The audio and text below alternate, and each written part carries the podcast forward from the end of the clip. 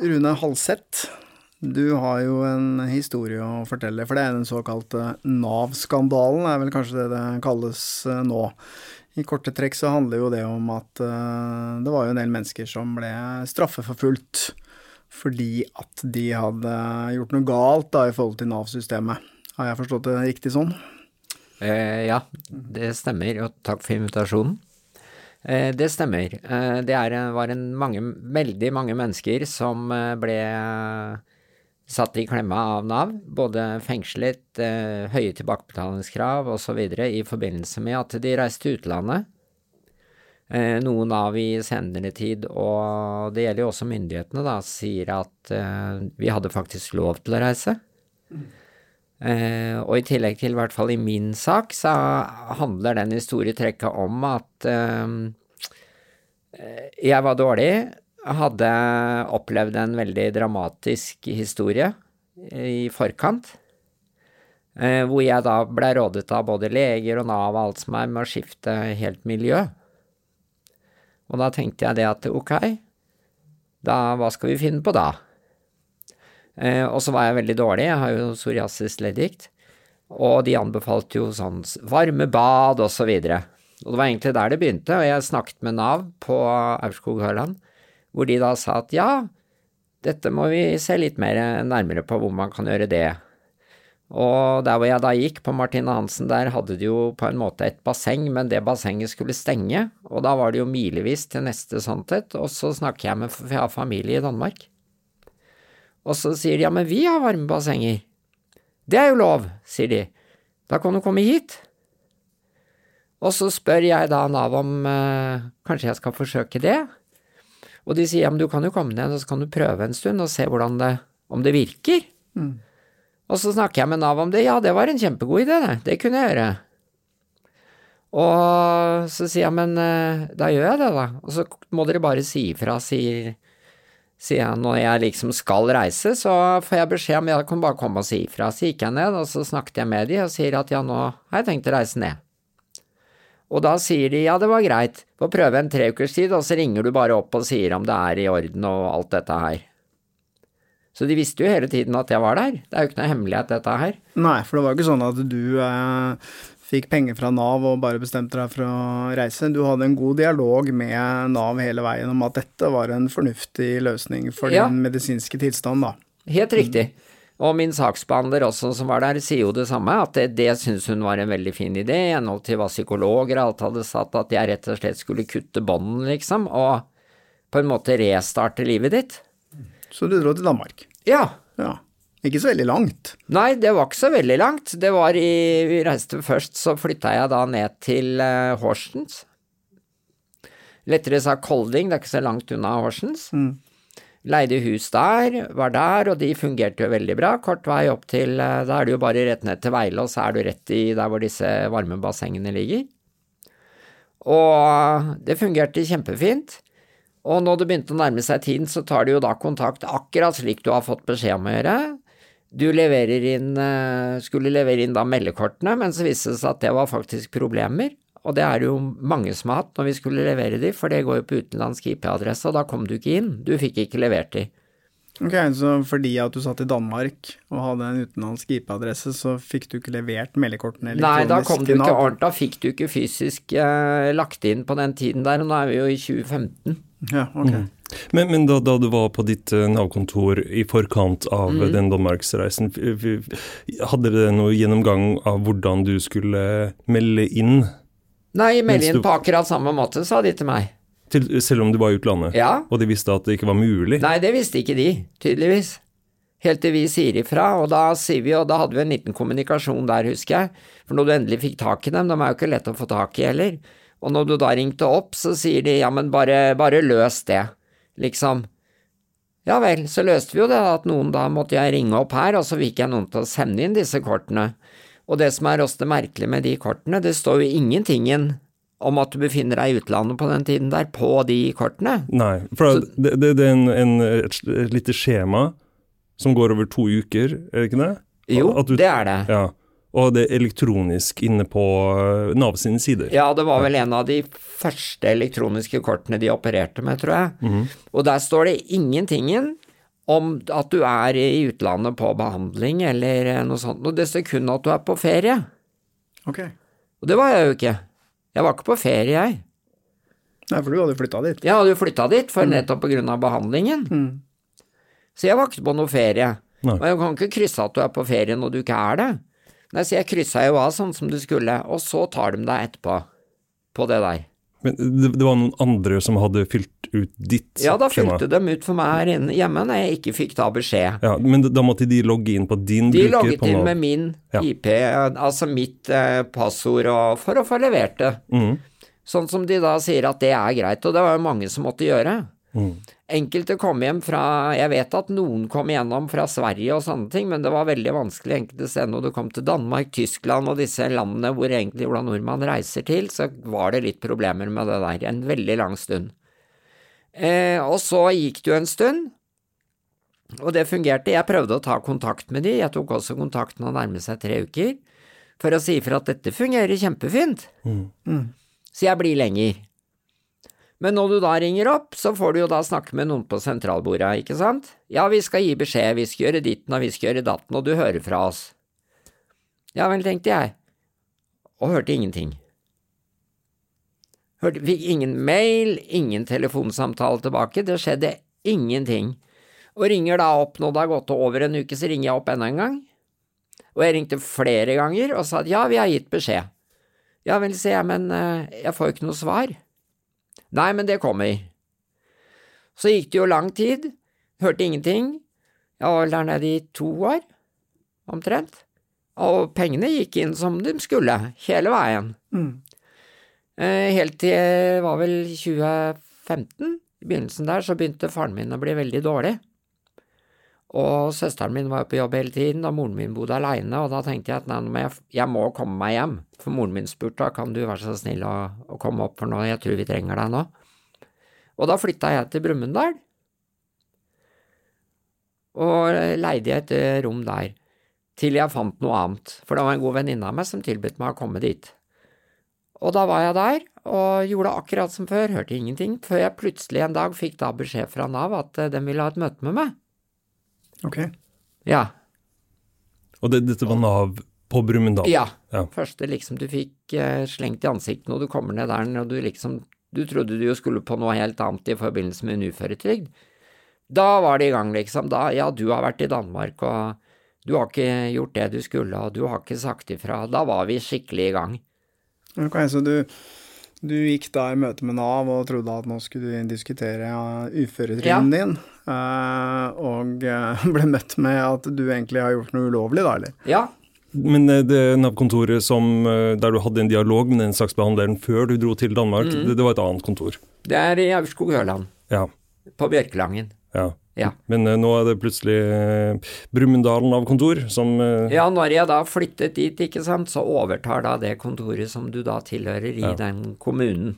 ja. Men du refererte kanskje til dette Aurskog uh, Ja, jeg snakket med de der nede Ja. på Brumunddal og sier hva de har sagt. Nei, det hadde de ikke sagt. Nei. Nei. ok. Kommer det da? Mhm. Og da begynte jo jeg litt å lure, og si sier men hør nå her. Så eh, hun eh, Nav-ansatte på Aurskog Høland, som du hadde snakket med hele veien og informert Ja. om hva du hadde holdt på, de sier at de ikke har fått den beskjeden. Ja, de sier at Ja, okay. de ikke har fått den. Eh, samtidig som de også påsto da i ettertid at nei, det hadde jo aldri den saksbehandleren sagt, men det har han jo sagt. Det står du jo hadde også ikke noe på skrift? papiret, jo. Du hadde det skriftlig i tillegg? Det står jo det at det, det står jo blant annet på et ark at du kunne være ute i tre uker og ta kontakt etterpå. Mm. Ja, og da vil jo det si at da har jeg gjort det jeg skal. Og så sier også han, når jeg var på i Brumunddal der, så sier han ja, men vi har jo sendt deg brev, vi ser jo det her. Så sier han nei, det har ikke jeg fått noe, et eneste brev av dere, så jeg har heller ikke fått mail. Så sier han ja, men det står her at vi har sendt det. Nei, nå må du gi deg, sier jeg, for jeg har ikke fått det i posten. Jeg vet jo hva jeg får i posten nede i Danmark. Og da sier jeg allerede på det tidspunktet, altså, nå er det jo noen ra- rare greier her, sier jeg at du har sendt brev. For jeg hadde ikke solgt huset mitt i Aurskog-Høland heller, det solgte jeg ikke før omtrent jeg hadde vært der et år. Og underveis hele tida så forandret jeg ikke egentlig altså den postadressen som da hadde vært der. Da gikk jo jeg inn og betalte for det, at jeg skulle få all post ned. Og altså når du til og med får ned reklamen til adressen din, alle andre brev kom fram, og da sier jeg det til dem, da er det jo noe merkverdige greier her, da, sier jeg. Når jeg får altså kommunale avgifter, jeg får til og med reklame, jeg får eh, altså sånn minste på strømregninga for at det skal være litt varme i huset liksom til du har solgt den, skjønner du, vannavgifter, alt det kommer ned, og så får du ikke brevene fra Nav. Da er det jo noe som ikke stemmer. Men kunne de på noen måte dokumentere at de hadde sendt disse brevene? Nei, det spurte jeg òg etter. Ja. Og de sier vi har, fått de, vi har sendt det i posten og ikke fått det i retur. Ja, men da må jo du bevise at du har sendt det, da, Se, for jeg har jo ikke fått den. Jeg sitter jo ikke her og sier at jeg har fått et brev som jeg, som jeg har Altså ikke har fått den. Jeg kan ikke sitte og ljuge på det, det er jo ikke noe vits engang. Jeg har ikke fått de brevene. Nei. Og jeg har ikke fått mail. men det må jo være enkelt for de å legge frem, for det, de har jo lagra det på et eller annet sted. Ja, vi finner det ikke inn i, inn i selve i ettertid, nå når straffesaken var oppe, liksom. Vi begynte å få den første advokaten jeg da fikk i forbindelse med dette her, når jeg da gikk, tok ikke så lange tiden før du ble innkalt til et politiavhør. Ok, så uh, i etterkant av at du sitter hos Nav og de påstår at uh, de har sendt deg masse brev osv., så, videre, så så får du plutselig eh, innkallelse til avhør hos politiet. Ja, det tok vel ikke mer enn var det tre uker eller Men hva sånt? tenkte du da? Du Da begynte jeg å lure, og tenkte at eh, hva i all verden er dette for noe? Og jeg skjønte ikke helt det som sto der, for det, det var jo helt sånn Det var nesten som om eh, eh, jeg hadde gjort en kjempeforbrytelse med å oppholde meg der. Og jeg, allerede da så visste jeg jo det selv at ja, men jeg kan ikke skjønne hva de mener jeg har gjort for noe galt, for jeg har ikke gjort noe galt. Jeg har akkurat fulgt det som jeg fikk beskjed om fra Nav at jeg skulle følge. Og når jeg da også kom til politiet, så opplevde jeg altså det som en voldsom belastning, fordi at du Du satt der nesten som om du skulle vært rana en bank. At du var en livsfarlig forbryter. Eh, Det første de sa når jeg sier det at eh, At jeg var jo Når hun sier til meg at ja, men du kan jo ha Du kan jo få med deg en advokat. Og jeg hadde aldri vært i noe sånt i sånn type politiavhør. Jeg har vært i forbindelse når vi drev butikk og det som hendte i den tida der, men det var jo en helt annen type sak, så det var jo ikke et sånt avhør. Men eh, det du da møttes der, og hun sier ja, du kan få advokat, men da skal du være klar over det at da blir det mye verre. Ok, spol litt tilbake da. Du møter oss politiet for et avhør fordi de mistenker at noe kriminelt har skjedd, og så sier etterforskeren at hvis du velger å få en advokat, så blir ting mye verre. Ja, da tok det mye lengre tid. For da måtte jeg regne med å komme inn i mange flere avhør. Hva Ja. slags oppførsel er det? her? Altså, Ja. Du har jo rett på juridisk bistand hvis du er sikta for et eller annet. Ja, Eller mistenkt, for den saks skyld. Ja, og så satt du der, da. Og så tenkte jeg, jeg, jeg kan kanskje ta dette avhøret, da. Og så tar du dette avhøret med, og så spør hun jo både i bøtter og spann om alt mulig rart, hun går til slutt så ble jeg litt irritert, så sier hun i all verden, dette spørsmålet har jeg nå svart på tre ganger. Da kan du ta det der første svaret jeg svarte, og så kan du skrive ned det, for nå, nå vil jeg ikke noe mer, nå er det ferdig. Og så sier hun, nei, du må sitte litt, nei, men jeg er ferdig, jeg, så jeg har ikke noe mer å snakke om. Og da var det nesten som om du ble trua til å sitte der, og så sier hun da til slutt det at ja, hvis du tilstår her og nå, så blir det veldig lett denne saken, for da kan vi bare kjøre den tvers igjennom. Og da sier jeg jeg vil ikke tilstå noen ting, jeg, sier jeg. Ja, men du må være klar over det, sier hun, at da kan du få strafferabatt. Jeg er ikke interessert i dette, jeg, sier jeg da. Hva slags avhør?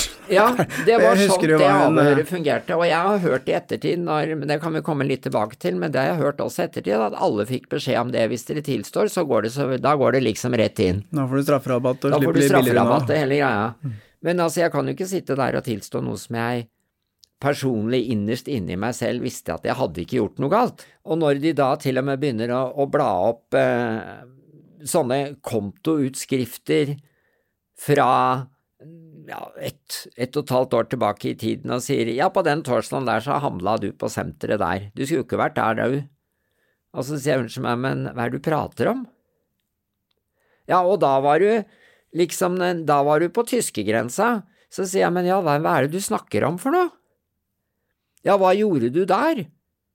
Og så sier jeg, unnskyld meg, men uh, da må jeg spørre deg tilbake, og hva gjorde du 13. desember på en mandag i, i 2018? Kan du svare på det? Nei, for det kan ikke jeg svare på, sa jeg, hva jeg gjorde der da. Det er ikke et menneske som kan gjøre det, sa jeg. Hvis det ikke ligger noe mer utfyllende hva du egentlig gjorde der. Men hva mente du med det, da? At du hadde brutt loven med Ja da, hun mente det at jeg hadde brutt loven eller? med å flytte på meg. Det var det som var hele poenget, da. Så du skulle egentlig bare sitte på ett sted hele tiden? Ja, jeg skulle vært eh, innenfor Norges grenser. Å ja, Ja. sånn sett, ja. Ok. Ja, jeg skulle vært i nærheten eh, der hvor jeg da tilhørte. Og så var hun også litt inne på dette her, ja, men du hadde jo en aktivitetsplan som du da skulle følge. Og da sier jeg ja, ja, men det er jo akkurat den jeg har fulgt. Jeg skulle gå til legen min i Norge, ja, det har jeg gjort. Reist opp og gjort det jeg skulle. Jeg har gått og svømt, det har jeg gjort, og noe mer enn det hadde ikke jeg noe jeg skulle gjøre.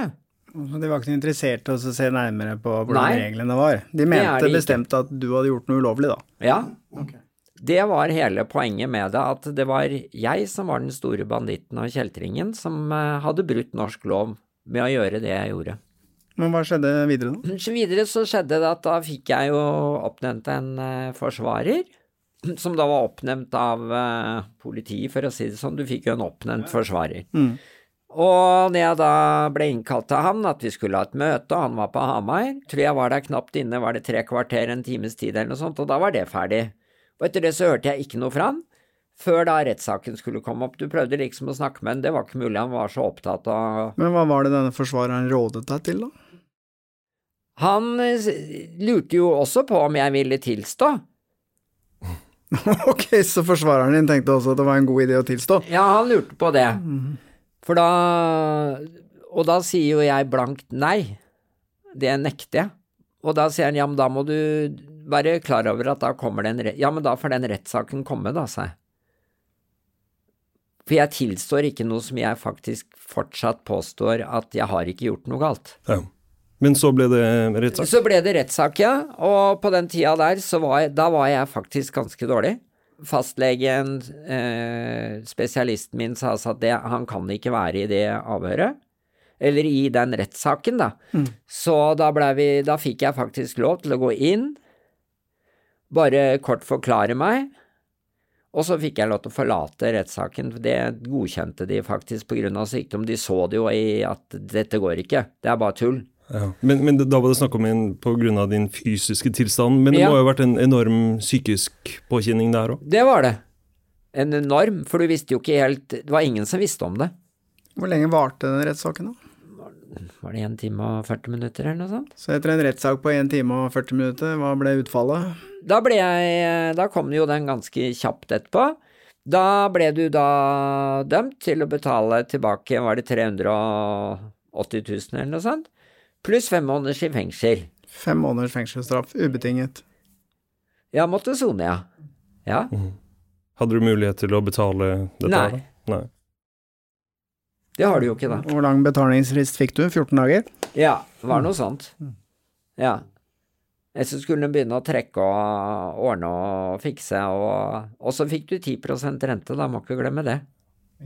I tillegg, ja. Men hvordan reagerte du da, når du hørte Jeg reagerte voldsomt og tenkte hvordan skal dette her gå, liksom? Hva, hva er dette for noe?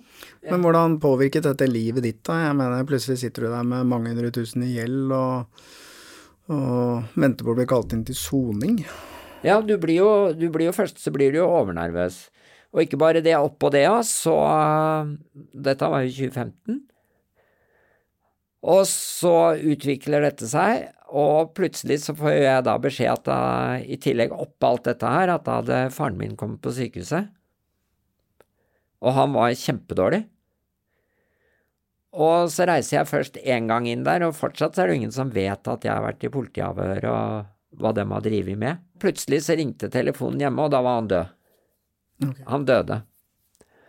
Og da reiser jeg inn til henne, og hun var jo ikke akkurat så veldig sprek selv, så da gikk det jo til det etter hvert at jeg var en god stund der inne, så flyttet jeg opp igjen, så fant vi ut det at snakket jeg med søsteren min, og så sier, ble vi enige om dette her at mamma kan ikke bo der lenger, sånn som vi gjør nå, hva skal vi gjøre da?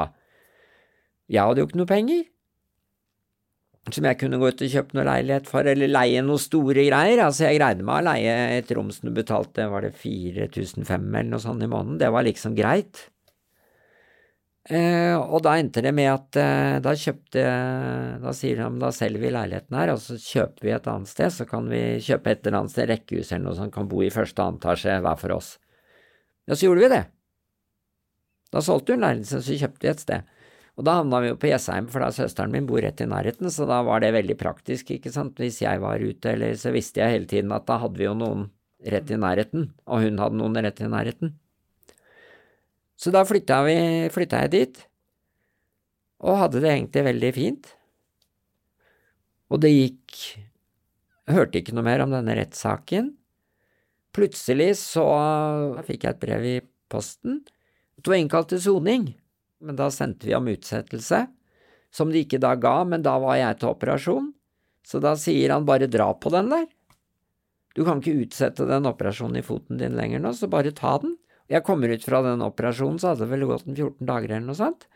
Så sitter jeg oppe da sammen med moren min, så holdt vi på å lage middag, og plutselig så ruller det inn to politibiler inn på gården.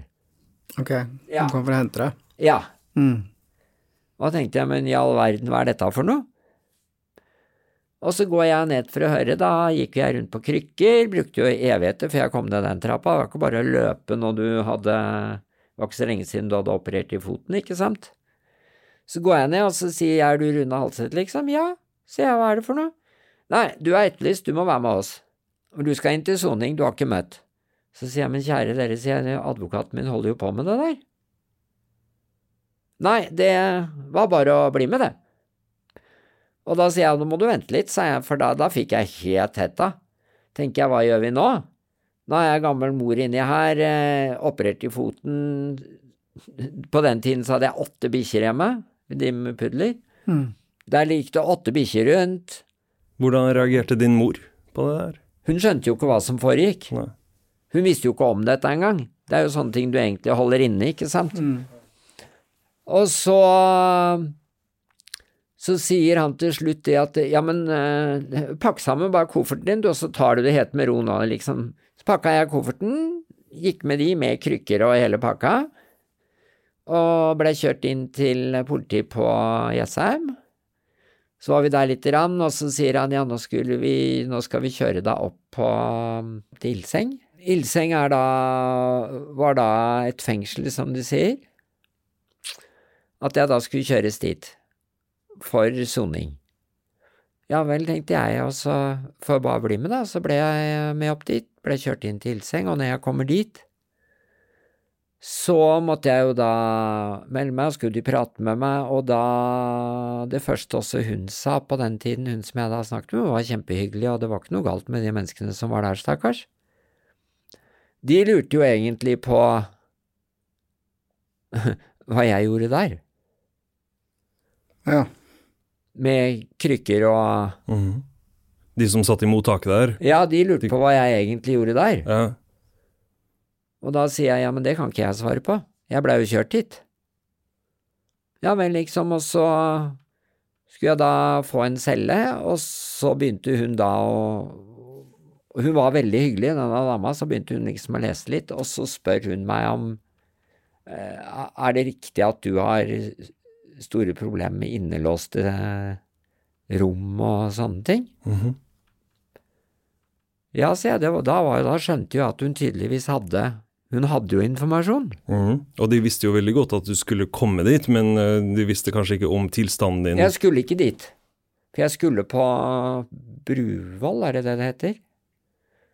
I hvert fall et helt annet sted som er en totalt åpen anstalt. Hvis Ja. du skulle sone, var det dit de sa jeg skulle. Og så havna jeg på ildseng. Og jeg husker jo de hele tiden lurte på hvordan i all verden de skulle løse dette. Eh, du måtte jo Jeg skulle inn eh, hvis jeg skulle ha dusj, ikke sant. Så var det ut på gangen med krykker, du kunne ikke gå inn i der, for de hadde jo ikke noe stol du kunne sitte på, jeg kunne ikke stå. De var da avhengig av at eh, noen måtte kanskje komme inn og hjelpe deg litt. Og de turte ikke at jeg skulle gå inn der aleine, var redd for at jeg skulle da skli. Og så sier hun det om vi får putte deg inn i denne egentlig det området som egentlig er for eh, sånne som de frakter for å frakte ut igjen dagen etter. Det var et eget område der, og der var det nesten tomt. Ja. Enten det gjelder at den brukte det også som på en måte det som folk som ble tatt i et eller annet bråk på byen, eller så ble de frakta dit, ikke sant, for å få satt inn innover natta. En sånn Ja, det var litt bedre enn ei glattcelle, da. Det skal de ha. Mm. Det var ei seng og et skap og en vask der, men det var liksom alt. Det var ikke noe annet. Og så sier vi får plassere deg her, da, og da husker jeg hun sa det at eh, vi vet det at du, du må bevege deg litt grann og sånn, så vi septer opp døra, vi, sa han. Jeg var jo aleine innpå der, var jo ingen andre. Så da var vel jeg kanskje en av de som har sittet i fengsel med åpen fengselsdør. Sånn at jeg kunne da gå ut på gangen. Ok, så de, Ja, de låste ikke cella? de låste ikke cella, nei. Nei. Den sto fullstendig oppe.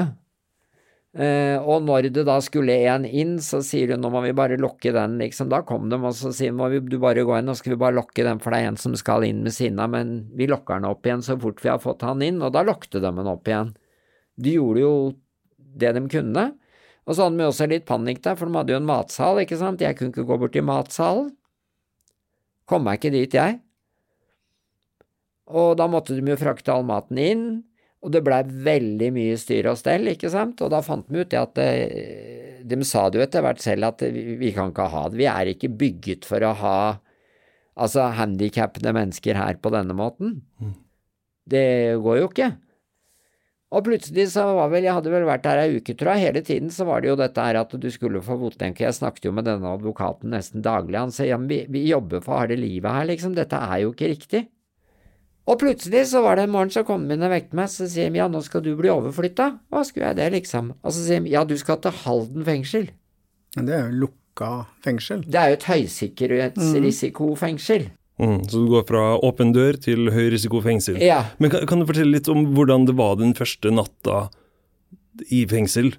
Da hadde jeg panikk, fikk nesten ikke sove. Det var eh, Du visste liksom ikke helt eh, hvor du skulle gjøre av deg. Du, du var nervøs for hva som skjedde hjemme. Eh, du var var nervøs for hva som skulle komme. Du følte deg mukka aleine. Du hadde ingen å snakke med. Eh, du var rett og slett overnervøs for å være der. Du, du følte deg skikkelig aleine.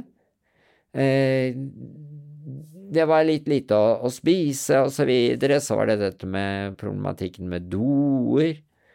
Og så skulle du ha medisiner, så måtte du ringe, og så kom ikke de, for du fikk jo ikke lov til å ha det inne. Mm.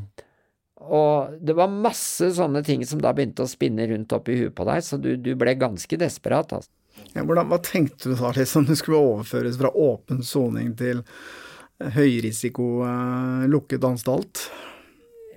For å si det rett ut, så skjønte ikke jeg i begynnelsen hva det var. Nei.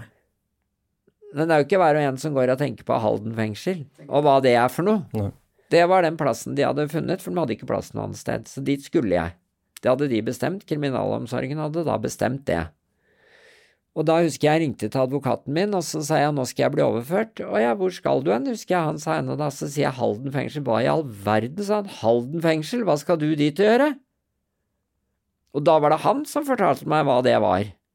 Ja, hva, hva tenkte du da? Da tenkte jeg med meg selv at skal lille meg nede i dette greiene her, sammen med de menneskene som da sitter der? For han jo han forklarte meg hva dette var for noe. Dette var jo mennesker som sonet over mange år. Det er jo tunge kriminelle som sitter i Halden Det var jo et høysikkerhetsfengsel. Det var jo mordere og heavy Men hvorfor kunne du ikke bli der du var? Hva var Nei, for der kunne for jeg ikke være, for det klarte de ikke. Altså, de kunne ta bedre vare på deg i Halden fengsel? Ja, fengsel? det var det de mente. Mm. Uh, og når jeg da gikk inn i den politibilen og skulle bli kjørt til Halden fengsel, da spør jo han politiet ja, du må sette deg bak, og så sier jeg skal jeg sitte bak i det der buret der? Nei, sier jeg. Jo, det gikk fint, det, mente han. Nei, det gjør ikke det, vet du, sa jeg, fordi at jeg har vondt i beinet mitt. Jeg kan ikke sitte sånn. Jo, det gikk så fint, sa for det var bare en times tid, liksom. Ja vel, sier jeg. Ja, så Avstanden fra eh, Ildseng fengsel til Halden fengsel er jo betydelig mer enn én time. Ja. Det er jo, Det er Ilseng, Ilseng er jo oppe med Hamar-området, Ja. og Halden er jo helt sør på grensa. Så Ja, det i var hvert fall tre timer. Å kjøre. Ja. Og når du da kom dit, og du kommer ut der og inn med kofferten, og du kommer inn Og så husker jeg også når jeg kom i gangen der, så sier du navnet ditt, og så begynner han å slå opp, og så sier han til meg og han som kom, at eh, Hva gjør han egentlig her? Da fikk du det samme spørsmålet igjen. Mm. Så tenkte jeg, hva er det som skjer nå? Og da tenkte jeg akkurat når han sier det, så tenker jeg, og det tenker jeg fortsatt på, så tenker jeg, ringte det noen bjeller hos han da allerede da at dette er helt feil, liksom? Når han spør på den måten, hva gjør han her? Fem måneder? Har ikke noe her å gjøre, liksom. At det var for kort uh, Jeg skulle jo ikke vært der. Nei. Nei, det er jo litt spesielt på en er, sånn det er ikke dom. der du havner da, ikke sant? Det er ikke de som skal ta plassene der nede. Nei, og så skulle du inn, og så fikk du beskjed om å sette fra deg all bagasjen og alt det der, og så var du inn og ned på huk og hele opplegget, ikke sant, splitter naken. Du følte deg jo som en sånn skikkelig sånn gangster. Og så fikk du på deg noen sånne røde klær, husker jeg, noen sånne treningsgreier og noe dress, og så skulle du liksom opp, og så begynner de da å snakke med meg, og jeg skjønner ikke hva jeg gjør for noe oppi her i hele tatt.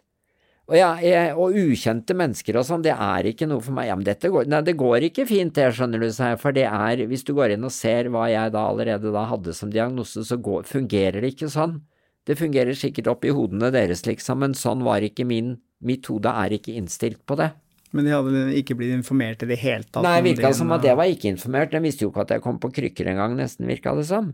Og da ble det veldig mye, hadde jeg inntrykk av, at eh, at du skulle vel kanskje ikke vært helt her, du skulle vel kanskje vært da på en annen avdeling med alle sånne. Så sier hun ja, vi har jo noen i rullestol, ja, men rullestol er jo bare noe helt annet, sa jeg. Men så fikk, var hun veldig, veldig lyttende, og hun skaffet det jeg skulle ha. Det, det, du kan jo ikke bare si at den var dårlig, for de gjorde jo da, hun gjorde jo alt det hun kunne for at ting da skulle bli i orden. Og så var jeg der, og da sier hun det at jeg må bare lukke den litt inntil nå, for nå jeg slipper løs, de andre skal liksom ut. Så da lukker jeg den inntil, og så må du bare ringe på knappen hvis det blir skikkelig ille, liksom. Og da, når hun da lukka den, da husker jeg, da fikk jeg helt panikk. Da følte du deg som sånn en bitte liten fjott, liksom, at der satt du, og så visste du ikke hva som skjedde, hvor er jeg hen? Altså, hva skjer med meg? Da, da begynner disse rare tankene oppi hodet ditt å spinne hele veien. Og eh, det tok jo lang tid før den døra åpna seg igjen. Og det var liksom sånn, ja, nå skal du ut og nå skal vi inn og spise, og jeg skal ingen steder, jeg, sa jeg. Jeg går ikke ut på gangen sammen med de folka som går ut i de ganga der. Det kom meg ikke på frågan. Ja, men Hvordan fikk du dagene til å gå? Satt du bare på cella di og Nei, jeg tusla litt rundt for meg sjøl innpå der, og så gikk jeg ut og var mye for meg sjøl. Eh, satt meg heller da og prata med kanskje en av disse fengselsbetjentene som da var hyggelige. Eh, og så var det jo da folk som liksom prøvde Du så det jo ute i disse luftegårdene at det var sånne gjenger. Ja, og noen av dem, så det holdt liksom å se på dem, så skjønte du det at de der inne skal ikke du blande deg borti, liksom. Hold deg unna dem. Ja, og, og så skjønte du også at det var litt sånn rivaliseringer, og, for du hører liksom over murer, og, og du får liksom litt sånn åh, gud a meg, hva skjer når vi skal ned i første etasje her i morgen nå? Var du redd, eller? Du, du føler deg ikke trygg. Det gjør du ikke. Jeg følte meg absolutt ikke trygg der. Og det, du vet det at hvis plutselig denne alarmen gikk, og du var på vei til noen steder, og så var det liksom eh, Ja, nå må dere fortere, for nå må dere inn her. Altså, da visste ikke jeg hvor jeg skulle gjøre av meg, for å si det sånn, og plutselig alle blei bare huia av gårde. Altså, du, du får ikke opp farten på krykker, altså.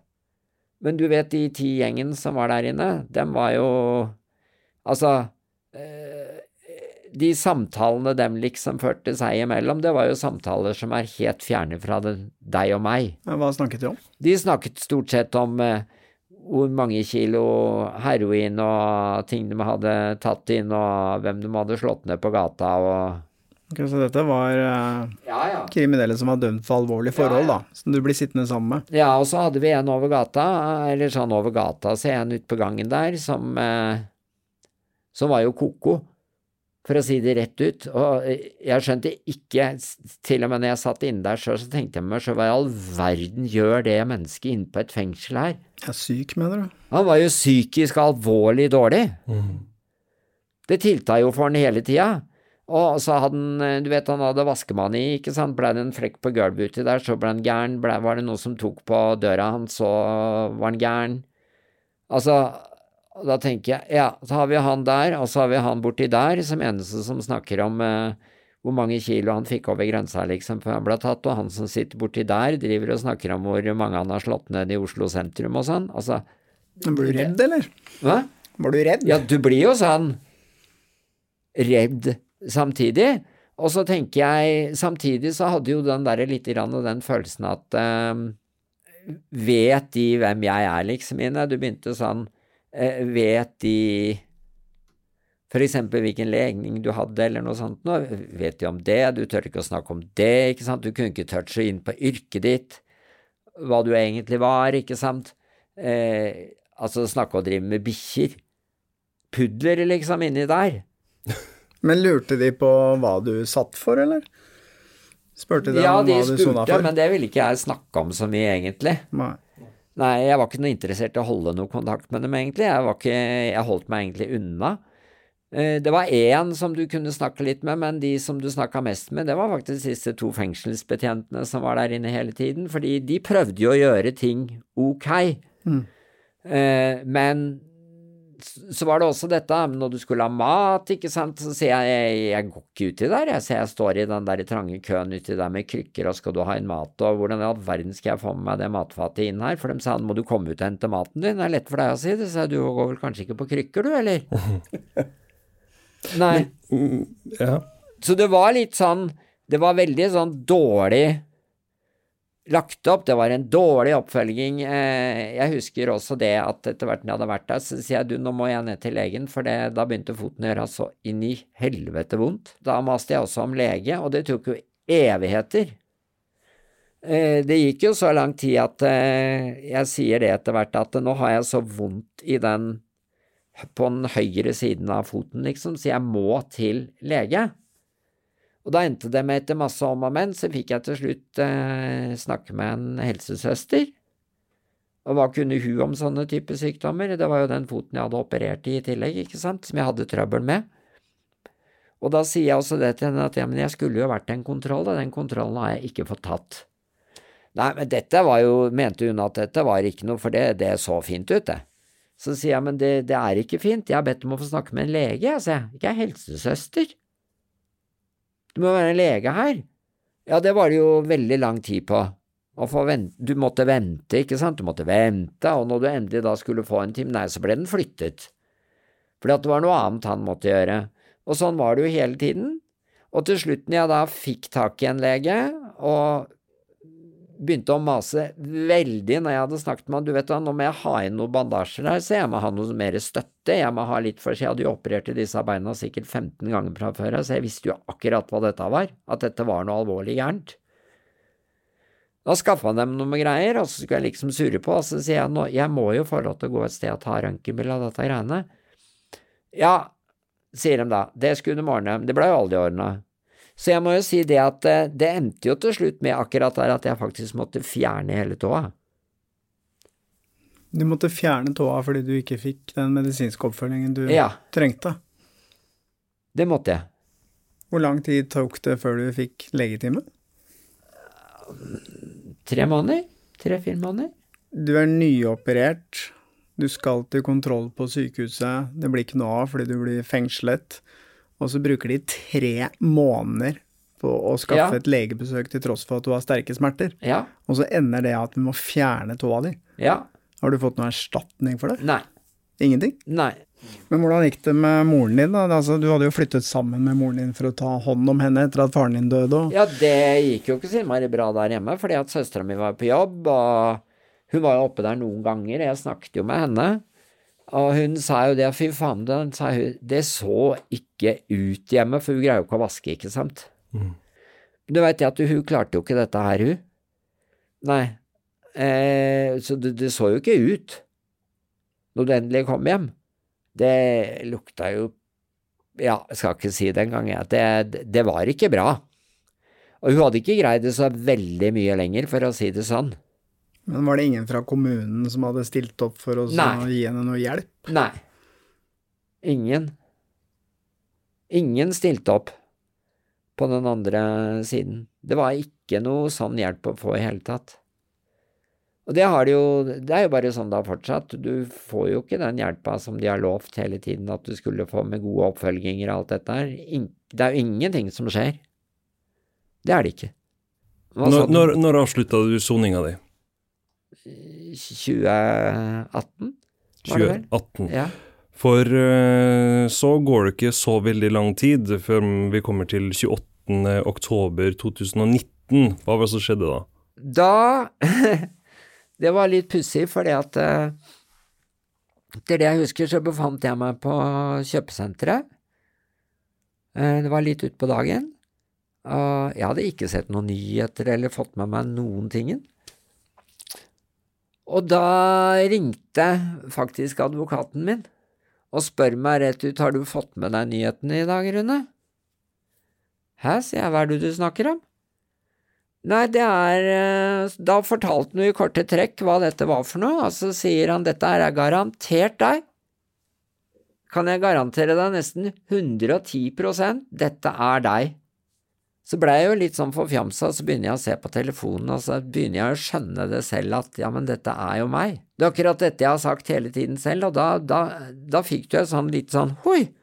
Ja, for Ja. Den, den dagen da ble det holdt en pressekonferanse Ja. med arbeids- og sosialminister, eh, arbeids- og velferdsdirektør og riksadvokat Tore Axel Busch, eh, og det ble varsla at eh, de hadde praktisert feil disse her EØS-reglene helt siden 2012. Altså med hvorvidt en, en, eh, en mottaker av Nav-tjenester og penger kan da være utenlands. Mm, det stemmer. Mm. Eh, Hva, hva tenkte du da når du så det her på telefonen din? Da tenkte jeg eh, Jeg husker det ennå at da tenkte jeg det at eh, Ja. Eh, Da begynte jeg å bli sinna, husker jeg. Blei rasende. Og så ble jeg samtidig litt sånn som, en, som jeg har sagt flere ganger, at ja, men da var jo ikke jeg dum, da. Da hadde jo jeg rett. Jeg hadde ikke gjort noe gærent. Mm. Det er dette jeg har sagt hele tiden. Og jeg husker også jeg satt og så, så jeg husker jeg var ute med, sammen med moren min og en venninne av henne, vi satt der. Og mens vi da sitter og prater, og så forteller jeg dette til mamma, så gikk det ikke lange stund, og så plutselig så ringte jo telefonen igjen. Og så tar jeg den, og så var det jo da en reporter fra TV 2, spurte om jeg var Rune Halseth, og ja, ja, sier jeg. Og så begynte han å fortelle litt om det dette her, og da hadde de allerede funnet meg. Ok, som en av uh, ofrene i denne saken her. Ja. Jeg vet ikke helt hvordan de klarte det, men jeg lurer på om de hadde frigjort noen papirer allerede. Og lurte på om eh, jeg kunne tenke meg å ta et intervju dagen etter og fortelle hvordan jeg opplevde dette her, eh, om jeg da var villig til å stå fram. Og da var det jo også, jeg tror det var dagen etter der igjen, da var det jo plutselig på God morgen Norge, og det var jo, da var liksom det store mediekjøret i gang, og da var jeg også inne på Stortinget etterpå. For da skulle det være en stor pressekonferanse der inne, noe skulle bli tatt opp inne på Stortinget, hvor Hauglie skulle presentere noe. Det tok jo ikke mange dagene før det skjedde, og da var jeg jo der inne med hele filmteamet på nakken fra TV 2, og det var masse reportere der, og all ære akkurat i det øyeblikket der til TV 2, for de tok virkelig vare på deg, de sørga for deg, de passa på at du hadde det bra, de passa på at du ikke ble for stressa, ikke sant, holdt deg unna andre mediehus som kanskje var veldig pressende og Så de styrte det der veldig, veldig bra, hadde en veldig god kommunikasjon, og det har vi jo fortsatt, egentlig, men eh, eh, Og det var jo i den forbindelse alt dette her, når jeg da ble intervjua innpå der, og når jeg da var på denne TV-en, så satt det ei jente i Telemark, jeg som heter Marianne, som satt og så på dette her. Og om ettermiddagen da så ringer Marianne meg.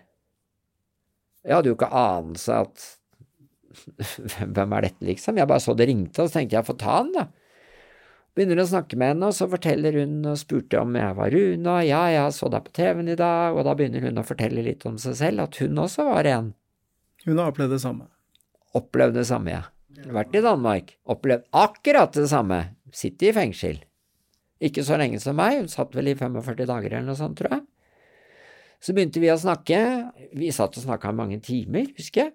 Snakker vi videre, og så blir vi egentlig enige om her tror vi det er mange mennesker som kanskje trenger hjelp. Skal vi gjøre noe, kanskje? Det, var liksom det jeg fikk lyst til da, at eh, samtidig som du var sinna, ikke sant, så tenkte jeg det at Og så var hun også med på den, den delen av den, at hun, for hun var også sint. Alt det de hadde gjort med henne. Og jeg var likesinna, og så slo vi oss sammen, og så sier vi Jeg lurer på om vi skal begynne å jobbe med et eller annet sånn og prøve å snakke med enda flere. Det var sånn det begynte, liksom, at vi begynte å bygge opp et eller annet til sammen. Ja, hvor mange var det snakk om til sammen? Etter hvert som vi leita det, Ja, men det veit vi jo ikke helt ennå, da. Å nei, men hvor mange er det som har Cirka 80. 80 stykker Ja. Som har blitt sendt i fengsel. Ja, 80-85, det varierer litt. Noen steder står det 75, og så er det 76, og så er det 80. Jeg vet ikke, jeg, men eh, det er noe de surrer med ennå. Og det skulle jo ikke være kanskje så veldig vanskelig å finne ut av. Nei. Nei, de roter veldig med alle dette greiene her, og det gjør de fortsatt. Og det er snakk om antallet som er Sona. dømt til fengsel for, ja, for det her. til, nå snakker vi fengselsdømte. Mm. Men så er det jo mange utenom det som har fått eh, høye tilbakebetalingskrav. Du har også folk som da har sona med fotlenker. Du har folk som har fått eh, kun prøvetid, to års prøvetid, med fulle tilbakebetalingskrav. Denne, denne Nav-skandalen, den er så Jeg tror ikke det norske folk egentlig vet hvor stor den egentlig er. Og det er så mange grusomme, vi som sitter nå oppi det, som starta denne organisasjonen, altså Nav-opprydningen, som vi heter, som har bygd opp et enormt apparat rundt oss nå. Vi sitter og vi har egen utrederavdelinger, vi har fagavdelinger, vi har presseavdelinger, vi har eh, folk som går ut i pressen, hvem som skal si hvor, vi har et team bak oss som coacher oss, vi, vi har kon høy kontakt med politikerne, som er kjempepositive, egentlig. Hvem er det som finansierer det? Vi er selvfinansierende foreløpig, vi gjør det på frivillig basis. Okay. Arbeids- og sosialdepartementets ledere gikk på talerstolen i Stortinget. Ja, de hadde funnet ut at vi skulle få fem millioner, men du må ha ingen steder å ta de fem millionene fra. Men apropos disse politikerne, da, for at de Mm. s- siste årene har jo vist at uh, de òg har slitt med å forstå regelverkene som gjelder bl.a. for pendlerboliger og, og reisedietter og diverse, som har gjort at uh, relativt mange politikere har blitt tatt med buksa nede i juks, rett og slett. Ja, det er også litt, det er også en litt sånn, kall det festlig situasjon, for å si det sånn, for det, da er du inne på akkurat det jeg var i gang med å fortelle, at de sier først at de har bevilget penger, så klarer de ikke å finne de pengene, ikke sant? Det klarer de ikke, klarer ikke å finne de fem millionene. Og det var ikke så lang tid etter at de står og sier det, så dukker akkurat det du nå nevner opp, pendlerboliger og alt dette her. Mm. Men da snudde plutselig situasjonen, for vi hadde ikke noe vanskeligheter med å finne 7,5 millioner inn på Stortinget til å dekke sine egne advokater for å vri seg unna sine egne lovbrudd. Det klarte vi, og det klarte vi veldig fort, å finne de pengene. Det var en annen konto, det. Ja, det måtte ha vært et eller annet sant. Og det syns nå vi er egentlig litt festlig, fordi eh, da skal vi altså ikke Nå har vi først sagt at vi skal rydde opp. Vi skal gjøre alt som er i vår makt. Ingen skal ha noen problemer. Alle skal få det de har rett på. Eh, det skal være fri rettshjelp og alt dette. Det er store ord, men alle de store ordene de ligger fortsatt godt planta ned i den store gryta, og det bare ruller rundt. Ja. Eh, hvor mye var det de krevde at du skulle betale tilbake? 380 380 Cirka 000. 380 85 000, ja. Ja, og det forsvant. Men eh, det var det de krevde at du skulle betale, og i tillegg fem måneder i fengsel. Men hva tenker du om at en sånn som han eh, KrF-lederen Kjell Ingolf Robstad, som eh, lot være å betale seks, minst 680 000 kroner i skatt Der, der, der var jo ikke fengsel noe tema engang. Nei, det har aldri vært et tema. Eh, Det hadde jo vi oppe. eh, Vi var jo i debatten blant annet om dette her, det var vel da gikk det på hun Hansen, som var stortingspresidenten. Og der var vi hardt ute og gikk løs på det. Mm. Eh, hvor vi også mente det at eh, de sier jo hele tiden at eh, Nå spurte jo du om Ropstad, eh, kan du ta han nå? Eh, da sier jo hele tiden eh, myndighetene at hver og en er strafferettslig for det du gjør, ikke sant? Vi har også folkevalgte inn, og de går jo hele tiden ut og sier at de folkevalgte, de er på lik linje som deg og meg. Og det sier vi, ja, det er jo vel og bra. Eh, men det jeg ikke da ser, det er hvorfor de ikke da går videre med Altså hvorfor de ikke reiser én en enkelt sak mot de forskjellige. Det virker jo som om de har tatt alle sammen, putta dem inn i en stor pott, og så kjører vi advokater for dere for å klare å vri seg unna noe som de etter si 90% sannsynlighet har gjort og har visst at dette skulle du ikke gjort. Og det er jo akkurat det de da sier til oss, andre, sånn som vi som sitter her nå, hvis du da havner, sier på Nav, så får du jo klare meldinger tilbake at ja, men det er din plikt å sette deg inn i reglene, det er din plikt til å se hva du kan, hva du ikke kan, hvordan du skal gjøre det, og så videre. Og da mener jeg det at eh, når man også har sett noen av de, som i hvert fall vi har gjort som holder på med dette her, gått inn og sett på hva dette egentlig gikk ut på, så tenker jeg det at eh, du behøvde vel kanskje ikke vært jusprofessor for å skjønne hva det står på det arket der. Og hvis du lurte på noe, som, og det har vi sagt offentlig ute i media flere ganger, hvis eh, noen av disse som nå er rammet av dette, lurte på noe, hvorfor i all verden har de ikke da gått og spurt? hvis de var usikre. Det går an å gå og spørre, altså det er din og min plikt er faktisk å gjøre det, du signerer jo ikke på et papir hvis du ikke skjønner hva det står på papiret, det er ingen som gjør det. Man signerer ikke på et lånebrev i banken hvis du ikke skjønner hva du egentlig signerer på. Nei, og i de eh, politikernes tilfeller her, så var det jo for flere av de tilfeller at de eh, ikke forsto regelverket som de selv hadde vært med på å utvikle. Ja, det er jo det enda mer eh, crazy. Jeg skulle til å gå inn på det, at de, de har jo selv sittet og laget dette regelverket. Og da mener jeg det at når de ikke engang forstår det regelverket selv, hvordan i all verden skal du og jeg da forstå det andre regelverket som de da rammer, mm. si alle disse som nå går på Nav i forskjellige situasjoner der, når de sier at du skal forstå det regelverket, og det er jo det vi jobber hardt opp mot, at vi vil ha forandret det regelverket både til at det skal bli på godt norsk, det skal bli slik at alle kan forstå det.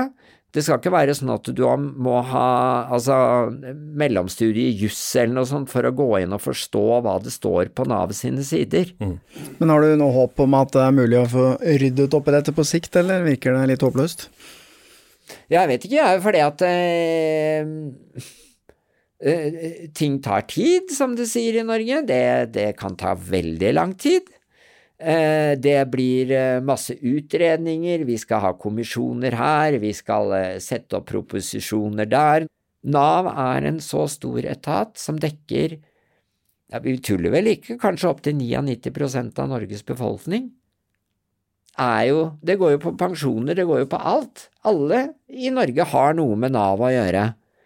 Og det skulle ikke vært nødvendig engang at Nav må gå ut og prøve å opparbeide seg en tillit. Den tilliten, den kommer fra deg og meg, den.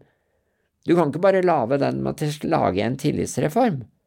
Og du kan ikke lage den med å prøve å si at vi skal ta alle på Vi har jo hørt dem selv, vi var jo i Arendal og hørte hva de sa der, hva som liksom var store forslag, at nå skulle de begynne å rydde opp igjen. Og da skulle de begynne nederst. Mm. Du skulle liksom begynne å rydde opp i saksbehandlere. Og da gikk vi som vanlig ut og sa ifra klart og tydelig, og det har vi sagt mange ganger, at du kan ikke begynne å rydde på saksbehandlingsnivå, du må rydde på toppene. Det er de som gir informasjoner ned til de saksbehandlere, har ikke noe med det å gjøre, dem. De gjør jobben sin, de er sikkert strålende og flinke, men problemet er jo at de ikke får jo ikke gjort jobben sin. For de får jo både feilinformasjoner, de vet ikke hva de skal svare, de har ikke nok kunnskap, for Nav er rett og slett blitt for stort. Alle de saksbehandlerne kan ikke alt dette her. Og dermed så blir det jo feil hele tiden. Og når ikke da det er tid, det er ikke Kompetansen mangler på mange plan. Høy, det er dårlig kompetanse der inne. Det er dårlig juskompetanse, det er dårlig EØS-kompetanse. Det, det, det blir jo ikke oppdatert. Og da er det veldig vanskelig for alle de som er inne i et system, og sånn som vi nå ser det, er at det systemet som fortsatt er, der lager de fortsatt lovbrudd. Vi ser det jo, vi får inn saker hele tiden, og når vi, så fort vi da griper fatt i de og skriver inn til Nav for de for disse personene, har gitt opp for lenge siden, de som da tar kontakt nå med oss hvor vi tar over hele saken, rett og slett. Så ringer vi inn til Nav, og så får vi snakke med de, legger frem og sier at du, hør her, pang, pang, pang, pang, sånn er det. Helt sånn til slutt, da, hva, hva tenker du liksom et politi og rettsvesen som, hvis jeg kan bruke det ordet, så ukritisk dømmer deg og sender deg i fengsel for noe som du åpenbart ikke har gjort noe galt? Jeg syns at uh, jobben til uh, politiet og rettsvesen, og kanskje ja, dommere og alle som satt på det tidspunktet, og forsvarsadvokater, altså man kan ikke unngå å ta de, Eh, man kan, kan kanskje heller også hekte på media inni dette her. Altså, det, det, er jo folk som ikke gjør jobben sin, som ikke har gjort jobben det de skal. De, de gjør ikke grundig nok undersøkelser, ikke sant. Eh, jeg vet ikke hva jeg skal si for noen gang, jeg. Og da, jeg må virkelig si at jeg er veldig sjokkert over masse som har skjedd her sånn, og jeg er helt enig med deg. Den slepte jobben som er gjort der, at uh, Nav gjør sånn som det har fungert, sånn som i hvert fall jeg har sett det har fungert gjennom systemet hvordan det var, det er at politiet har fått inn papirer fra Nav. Politiet tar alt hva Nav sier, har de tatt for god fisk, uten overhodet å gått inn og sjekket.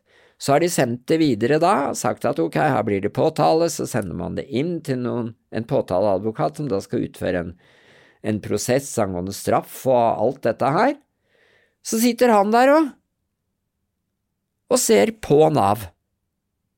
Ja, dette har Nav gjort, dette har Nav sjekket, her er det fint, her hører vi på som vi pleier å gjøre.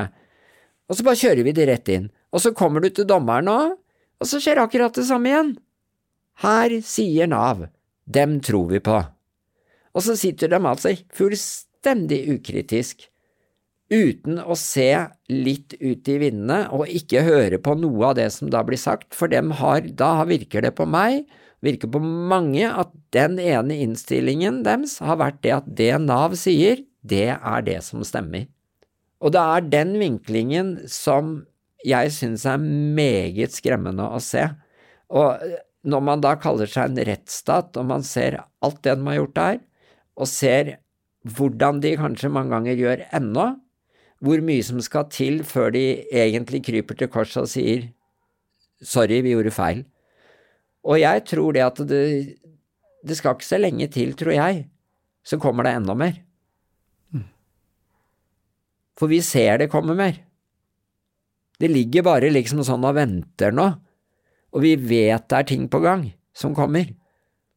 Så at de er ferdig med dette her, på langt nær. Og jeg, jeg er litt usikker om de i hele tatt eh, makter å rydde opp uten å få massiv hjelp bare, et, bare, en kort avslutning som, som, jeg også ikke tror mange egentlig vet om, men Nav per i dag har høyere fullmakter enn både PST og politiet. Til å innhente personopplysninger? Til å innhente alt de vil ha. De får absolutt alt de vil ha. Utenom de senere årene nå, så har faktisk legene satt seg på beina. Satt seg helt på bakbeina. Og de leverer nå i de senere tidene, og så har de nekta å levere ut pasientjournaler. Fulle pasientjournaler. De får kun utklipp av akkurat det det gjelder. Så personvern er ikke helt sånn høyt prioritert hos Nav? Nei, det eh, diskuteres ikke hos Nav.